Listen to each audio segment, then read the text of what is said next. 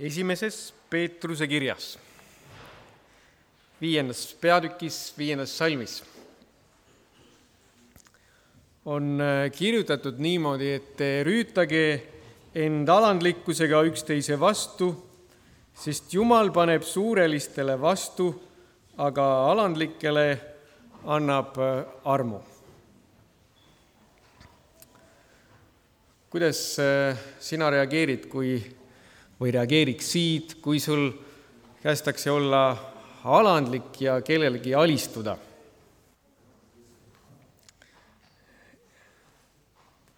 üks äh, asi on võib-olla see, kui see inimene sulle sobib ja tema tegevus, aga võib-olla eriti siis, kui, kui, kui sulle ei meeldi, midagi on vastukarva.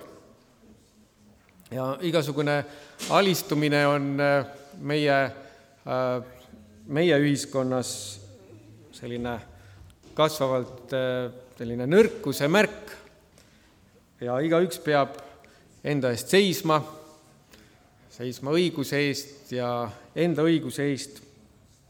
samas on äh, alistumine igasuguste suhete oluline ehituskivi, alates äh, abielust ja lõpetades äh, terve ühiskonnaga. mis on alistumise vastand?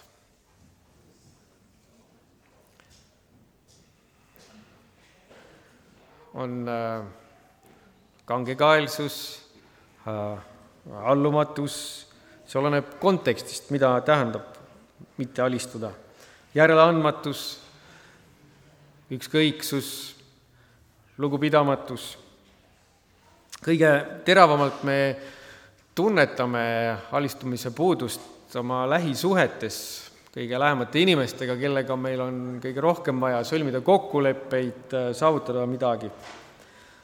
Ähm, Louisville'i ülikooli psühholoog Michael Cunningham uuris, et äh, et äh, millised on kõige tavalisemad äh, kaebused abikaasadel üksteise suhtes, meestel ja naistel, koos elavatel partneritel ja see on see, mis ta leidis. kõige tavalisemate kaebuste hulgas, mis meestel on naiste vastu, on, on see, äh, on siis, mida inimesed vastasid kõige rohkem, et pilt on häält, ei ole kohtlemine. ja siis meestel naiste vastu, mineviku eksimuste esiletoomine ähm, on kas liiga tuline või liiga jäine, on kriitiline. ja pangem tähele, see asi tuleb jälle üles, on kangekaelne ja keeldub järele andmast. mis olid kõige tavalisemad kaebused äh, naiste hulgas äh, meeste suhtes? Need sisaldasid klassika oluliste kuupäevade unustamine, nagu sünnipäevad ja aastapäevad. Äh, siis oli selline asi, et ei pinguta oma töökohal piisavalt. siis oli midagi olmelist et äh, teeb liiga valju häält, kui röhitseb või, või muud asju laseb. teiste naiste piilumine oli ja pangem tähele, on kangekaelne ja keeldub järele andmast. et kõige tavalisemad äh, kaebused äh, meestel, naistel üksteise vastu olid muidu suhteliselt erinevad ja täitsa teisest ilmast, aga oli üks, mis oli väga sarnane. on kangekaelne ja keeldub järele andmast. kui Jumal kirjutas oma sõrmega kivilaudadele seaduse, siis ta ütles,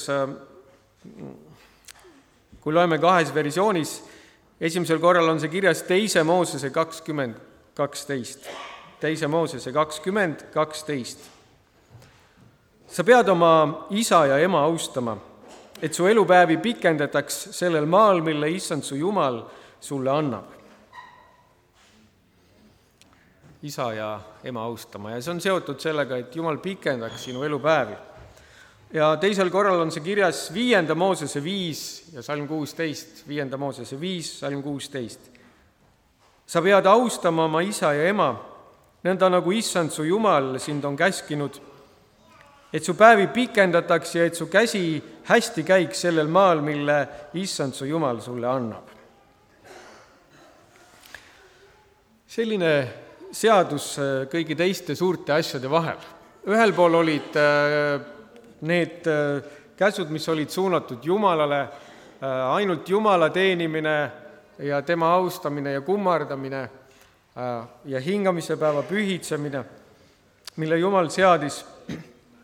Ja teisel pool kõige elementaarsemad seadused selle kohta, kuidas inimesed pidid üksteist kohtlema või mitte kohtlema Äh, nende vahelisi suhteid reguleerivad ja siin keskel see, et milleks äh, selline esiletõstmine. et siin on peidus äh, miski, mis on patualge, mittealistumine. kui me mõistame piiblilugu sellest, et kuidas, kuidas tekkis selline olend nagu saatan, kurat siis me loeme lugu, kuidas äh, Lutsifer, koidutäht, kes oli taevas Jumala juures, Jumala kõrval, Jumala loodud auline ingel, ta ei alistunud enam Jumalale. ja ta tõmbas endaga kaasa äh, hulga ingleid. Loeme lugu, kuidas ta petab ära inimese ja temast saab saatan ja kurat. sest ta ei olnud valmis alistuma Jumalale. ja Jumal vastas saatanale lunastusplaaniga. ja lunastusplaanis tegi Jumal nii, et, et Jeesus, kes oli Jumalaga võrdne, ta loobus iseenese olust, ta võttis orja näo, sai inimese sarnaseks. Jeesus äh, alistas ennast isale selleks, et näidata midagi Jumalast, selleks, et näidata Jumala olemust. Jumal võib alistuda. ja see on vastupidine sellele tungile, mis, mis viis Jumala ingli patule ja, ja sellele, milles saatan Jumalat süüdistas. Jumal võib alistuda. ja pöördumise põhikonks on see, et üks pattune inimene ei, ei taha ennast Jumalale alistada.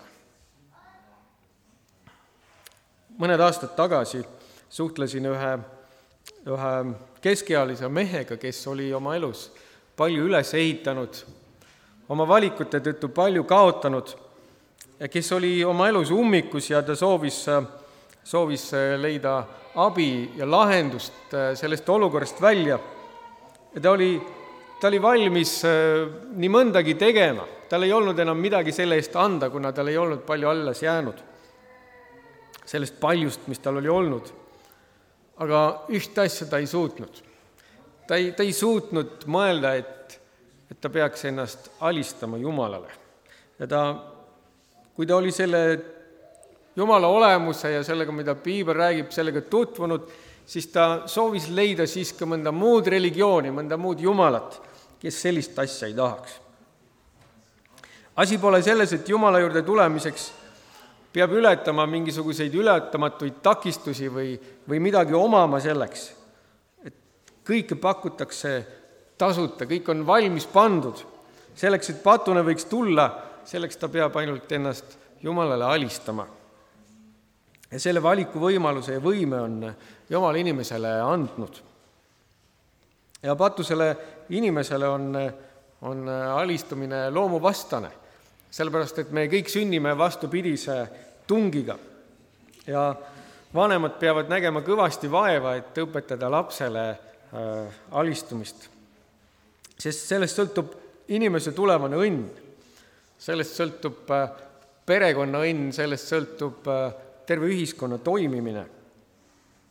aga samas on minu arust see üks lapse kasvatamise juures üks äh, kõveramaid konkse, sest selleks pean ma ise äh, alistumist ette näitama oma lapsele. ja kui laps õpib alistuma vanemaile, on ta võimeline alistuma sellele korrale, mis on ühiskonnas, elus, on võimeline looma terveid suhteid võib paremini mõista seda, mida tähendab alistuda Jumalale. on üks äh, selline näide piiblis, kuidas Jumal käskis Iisraelis teha kangekaelise ja tõrksa pojaga. see on selline asi, mida tänasel päeval äh, me ei tee ja, ja isegi väga ebakorrektne on äh, sellist äh, asja lugeda või mõelda, aga milles on selle iva? viienda Moosese kahekümne esimeses peatükis, salmist kaheksateist, viienda Moosese kakskümmend üks, salmist kaheksateist, et mida pidi tegema tõrksa ja sõnakuulmatu pojaga. seal on öeldud selline praktiline juhend, kui kellelgi on kangekaelne ja tõrges poeg, kes ei kuula oma isa ja ema sõna ja kuigi nad teda karistavad, ei kuula ta neid ometi, siis võtku ta isa ja ema ning viigu tema ta linna vanemate juurde ta asukoha väravasse ja nad öelgu tema linnavanemaile, see meie poeg on kangekaelne ja tõrges, ta ei kuula meie sõna, ta on kõlvatu ja joodik. siis visaku kõik ta linnamehed ta kividega surnuks, nõnda kõrvalda kurjus enese keskelt ja kogu Iisrael kuulgu seda ning kartku. sellise asja kohta ütleb, et nõnda kõrvalda kurjus enese keskelt. karm, karm värk. aga miks siis sellise asja suhtes selline seadus? et ühiskonnas oli igasugust kurjust ja sellise nähtuse suhtes selline reaktsioon.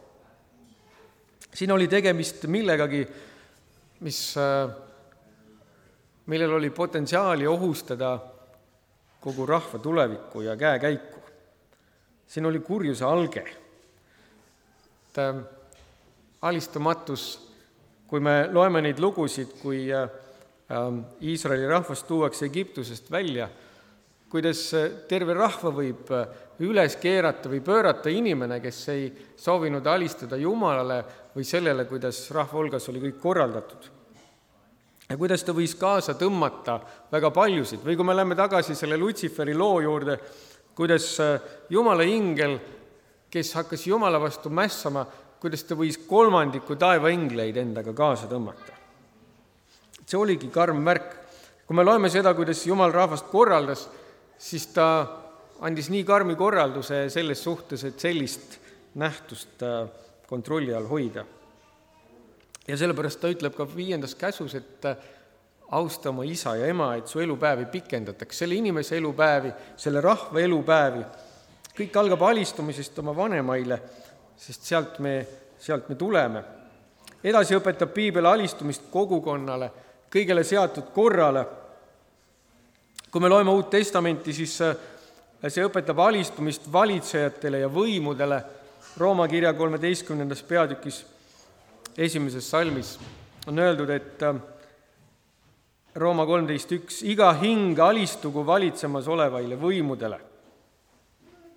ehk siis need, kes valitsevad, nendele alistuda. Ähm, esimese Peetruse kaks kolmteist, esimese Peetruse kaks kolmteist, alistuge issanda pärast kogu inimlikule korrale. see oli see, mida õpetati kristlastele selles ühiskonnas, kus nad elasid ja vahel me mõtleme, et, et meie kord on paha ja meile ei meeldi valitsejad ja et me ei peaks kellelegi alistuma, aga siis, kui me mõtleme tolle ajastu korrale ja nendele valitsejatele, siis meil ei ole enam vabandust. sest siis juba öeldi kristlastele, et nii tuleb teha. selles ühiskonnas öeldakse neile, et orjad, alistuge oma peremeestele. Kutsutakse üles, alistuge oma juhatajaile ja veel laiendades Paulus ütleb, et alistuge kõigile, kes aitavad kaasa ja vaevad, näe, näevad vaeva koguduses. abikaasasid üksteisele. Efeslastele viis kakskümmend üks, alistuge üksteisele Kristuse kartuses. kartes Kristust, alistuge üksteisele ja siis mitte hirmus, vaid selles austuses Kristuse vastu. naisi oma meestele Efesuse viis kakskümmend neli. nagu kogudus alistub Kristusele, nõnda alistugu ka naised meestele kõigis asjus. ja esimese Peetruse viis viis. esimese Peetruse viis viis, nõnda samuti teie nooremad alistuge vanematele. ja siis tuleb see salm, mida ma lugesin alguses. aga te kõik rüütage enda alandlikkusega üksteise vastu, sest Jumal paneb suurelistele vastu, aga alandlikele annab armu. alistuge üksteisele, kõik. ja alistuma me õpime kõik siis, kui me vaatame Jumala peale, sest Jumal alistub. Jumalas on alistumine, Jeesus alistub Isale. Jeesus alandas ennast koguduse heaks. Piibel ütleb, et Kristus on armastanud kogudust ja on loovutanud iseennast koguduse eest. ja kui me vaatame Jumala peale, siis me näeme ja saame aru, mida mida meie peame tegema. kui maailmas ei olnud pattu, siis alistumise teema ei olnud üldse selliselt päevakorras, kuna see ei olnud küsimus, kõik toimis harmoonias ja kooskõlas. kõik alistus täiuslikkuses Jumalale. Ja kui tuli patt, siis need, kes langesid pattu, nende jaoks Jumalale alistumisest sai pidev äh, valik ja, ja meile see on pidev valik, see ei ole iseeneslik. meil on vaja selleks kogu aeg äh, Jumalalt jõudu paluda ja saada. ja Jumal näitas meile, kuidas see käib. ja kuna meil ei ole loomul omane alistuda Jumalale, siis äh, samamoodi see ei ole meie loomuses alistuda üksteisele. ka inimeste vahelistes äh, suhetes, on need siis kogukonnas või perekonnas või abielus see on ka valik. ja lapse jaoks algab kõik vanematest, mida ta seal näeb, kuidas nad omavahel suhtlevad. kas ta näeb alistumist nende vahel? kas ta näeb lugupidamist, kas ta näeb äh, armastust?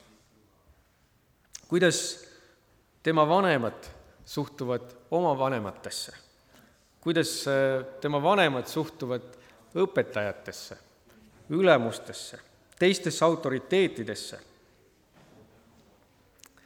kui me mõtleme jällegi oma ühiskonnale, siis äh, me näeme, et äh, põlvkond põlvkonna järel äh, äh, ei ole väga palju head eeskuju tihti. Alistumatus pärandub põlvest põlve. kes teavad, minu vanaisa äh,, minu isa-isa teavad, et ta oli väga äh, kangekaelne mees ja minu isa oli oma isa poeg.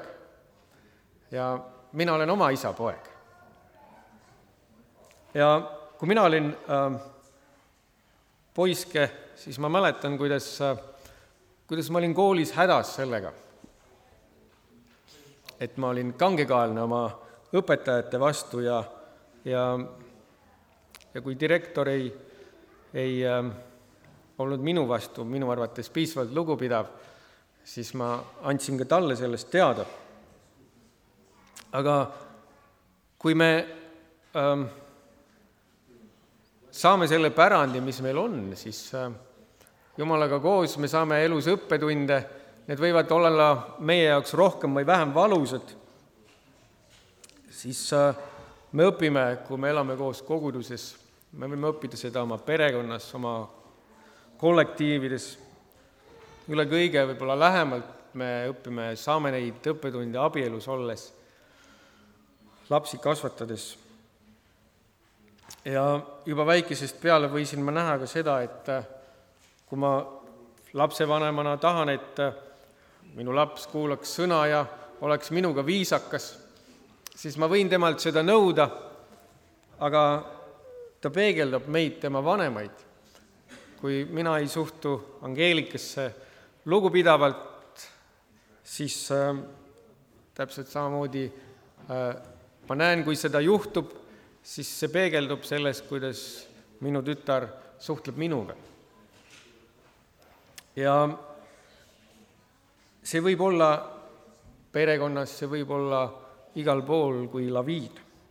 üks saab alguse teisest ja kõik on justkui omavahel seotud ja Peetrus oma kirjas usklikele paneb kogu selle alistumise loo konteksti. ta seab Kristuse järgijatele teistsuguse standardi, kui see oli ümbritsevas ühiskonnas. alistuv elu on üks tervik ja, ja selle keskmes on Jeesus Kristus. Ja ta kirjutab pikema lõigu sellest esimese Peetruse kirjas teises peatükis, esimese Peetruse kirjas teises peatükis. ja ma loen kolmeteistkümnendast salmist ja, ja edasi. ta ütleb, alistuge issanda pärast kogu inimlikule korrale, olgu kuningale kui kõige ülemale, olgu maavalitsejale kui tema poolt saadetud kurjategijaid karistama, aga heategijaid kiitma. Selline on ju Jumala tahtmine, et te head tehes paneksite vaikima rumalate inimeste arutuse. elage otse kui vabad, ent ärge kasutage oma vabadust kurjuse katteks, vaid olge nagu Jumala sulased. austage kõiki, armastage vendi, kartke Jumalat ja austage kuningat. orjad alistuge täie aukartusega peremeestele, mitte üksnes headele ja leebetele, vaid ka tujukatele. sest see on arm, kui keegi südametunnistuse pärast Jumala eest talub viletsust, kannatades süütult. sest mis kuulsus see on, kui teid süü pärast peksetakse ja teie seda peate taluma. aga kui te head tehes ja kannatades talute peksu, siis on see arm Jumalalt. Selleks te olete kutsutud sest ka Kristus kannatas teie eest, jättes teile eeskuju, et te käiksite tema jälgedes. tema ei teinud pattu, ei leitud pettust tema suust. ta ei sõimanud vastu, kui teda sõimati, ta kannatas ega ähvardanud, vaid jättis kõik selle hoolde, kes mõistab kohut õiglaselt. ta kandis ise meie pattud oma ihus üles ristipuule, et meie, olles surnud pattudele, elaksime õigusele. tema vermete varal te olete saanud terveks. Te olite ju nagu lambad ekslemas, kuid nüüd te olete pöördunud oma hingede karjase ja ülevaataja poole. olles rääkinud selle keskme, selle tähelepanu fookuse ära, nüüd ta jätkab äh, selle tervikuga, ütleb nõnda samuti naised, alistuge oma meestele et ka siis, kui mõned ei ole kuulekad sõnale, vaid võidetakse usule ilma sõnata naiste käitumise kaud-, läbi. kui nad on tähele pannud teie puhast, aukartlikku käitumist. Teie ehteks ärgu olgu välispidine juuste palmitsemine ega kuldkeede kandmine ega rõivad, mida te kannate, vaid selleks olgu varjul olev südameinimene, tasase ja vaikse vaimu kadumatuse ilus, mis on Jumala silmis palju väärt. sest nõnda on ka muiste end ehtinud pühad naised kes Jumala peale lootsid, nad alistusid oma meestele, nii nagu Saara oli Abrahamile kuulekas, hüüdes teda isandaks. Teie olete saanud Saara lasteks, kui te teete head ega karda mingit hirmutamist. nõnda samuti mehed, elage mõistvalt naisega kui nõrgema astjaga, osutage naistele austust, nagu elu armuanni kaaspärijatele, et teie palvel, palvetel poleks takistusi. aga viimaks olge kõik üksmeelsed, kaastundlikud, vennalikud, halastajad, alandlikud. ärge tasuge kurja kurjaga ega sõimu sõimuga, vaid hoopis õnnistage, sest õnnistamiseks te olete kutsutud, et ka teie võiksite pärida õnnistuse. sest kes tahab armastada elu ja näha häid päevi, see vaigistagu keelt kõnelemast kurja ja huuli rääkimast pettust ta hoidugu eemale kurjast ja tehku head, otsigu rahu ja taotlegu seda, sest issanda silmad on õiglaste poole ja tema kõrvad on lahti nende anumistele, aga issanda pale on nende vastu, kes teevad kurja. selline pikem tekst Peetruselt, kui ta kirjutab usklikele, mida tähendab elada usklikuna alistuvat elu. loeme kolm salmi veel viiendast peatükist, teise Peetruse viis, viis kuni seitse. ta lisab sellele kõigele, ütleb, et nõnda samuti teie, nooremad, alistuge vanematele, aga te kõik rüütage enda alandlikkuses üksteise vastu, sest Jumal paneb suurelistele vastu, aga alandlikele annab armu. alanduge siis Jumala võimsa käe alla, et tema teid ülendaks õigel ajal. Heitke kõik oma mure tema peale, sest tema peab hoolt teie eest. ja see on see koht, kus kui võib-olla nendel, kes lugesid või kuulsid seda Peetruse kirja, tekib see mure, mis ikka sellisel juhul tekib, et aga kui ma seda kõike teen, kui ma pean alistuma kuningale, kes võib-olla pole alati õiglane, võib-olla see ei ole alati mõistlik. kui ma olen ori ja pean alistuma oma peremehele ja võib-olla ta ei ole hea, võib-olla ta on tujukas, võib-olla ähm, kui ma pean alistuma oma abikaasale, aga, aga ta ei ole minu suhtes õiglane, et mis siis saab?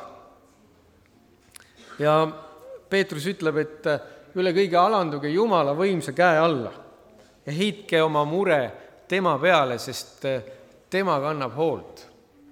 tema kannab hoolt, kui te teete tema tahtmist. Ma ei tea, kas keegi teist on näinud seda filmi, mille inglisekeelne pealkiri on äh, Fireproof. tean, et mõned ilmselt on näinud, eesti keeles see kõlaks nagu tulekindel. see on äh, äh, vändatud lugu ühest äh, perekonnast, äh, kes on äh, kristlased, Caleb ja Catherine. Ähm, nad on abielus olnud seitse aastat ja, ja nüüd nad planeerivad lahutust. ja nii, nagu Caleb ütleb oma sõbrale, et me armastasime üksteist, kui me abiellusime, nüüd me oleme kaks täiesti erinevat inimest me muud ei teegi, kui, kui, kui tülitseme.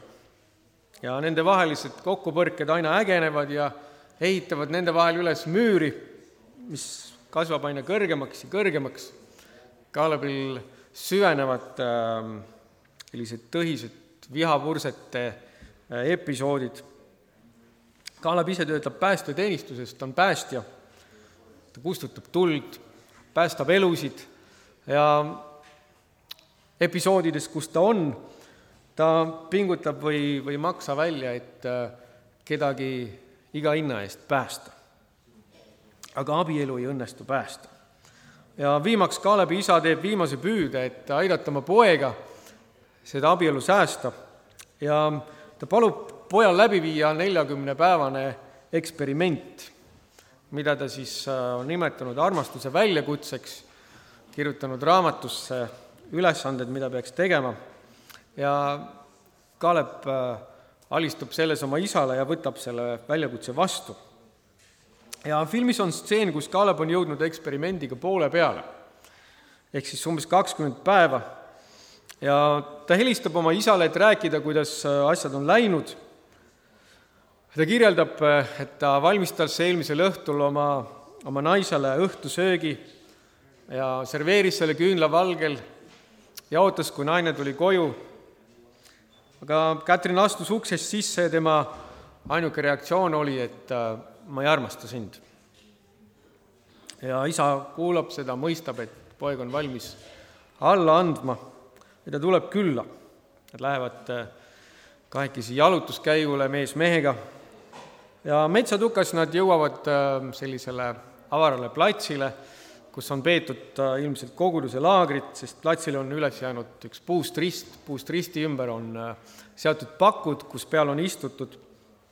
Ja Kalev istub pakil, pakul ja isa küsitleb teda, Kalev, kui ma küsiksin, mis sind Katrini juures kõige enam frustreerib, mida sa ütleksid? ja Kalev istub seal pea käte vahel ja siis ta tõstab oma pea, ta vastab, ta on kangekaelne, ta teeb minu jaoks kõik nii raskeks. ta on tänamatu, ta viriseb kogu aeg millegi üle. Ja isa küsib, kas ta on tänanud sind millegi eest, mida sa talle oled viimase kahekümne päeva jooksul teinud. ei, ütleb Kaalep. ja kas sa arvad, et kui ma pesen ta auto, kui ma vahetan ta autol õli, kui ma pesen nõud, kui ma koristan maja, ta proovib kuidagi tänulikkust üles näidata? ei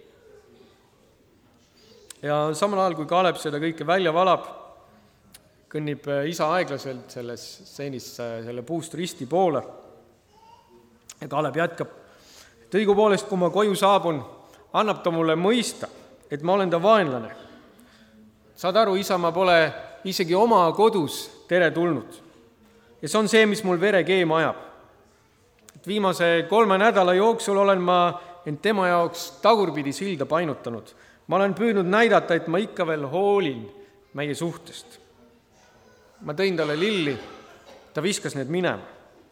ma olen kannatanud ta solvanguid ja sarkasmi, aga eile õhtul oli piir. ma valmistasin talle õhtusöögi. ma tegin kõik, mis suutsin, et näidata, et ma hoolin temast. näidata, et ma hindan teda. ja ta sülitas mulle näkku. ta ei vääri seda, isa. ma ei tee seda rohkem. Kuidas ma peaksin näitama armastust kellegi vastu, kes jälle ja jälle ja jälle, kes pidevalt mind ära tõukab? ja sellel hetkel on Kaalebi isa jäänud seisma selle puust risti juurde, ta nõjatub sellele ja ütleb, et jah, see on hea küsimus. ja kui isa seisab seal ja Kaalep vaatab teda, siis ta mõistab, mida isa tahab öelda. et see, mida Kaalep teeb, on sarnane sellele, mida teeks Kristus, kui ta on selle väljakutse vastu võtnud. ja ta protesteerib ja ütleb, et isa, see ei ole see, mida ma teen. ja isa küsib, kas see siis ei ole.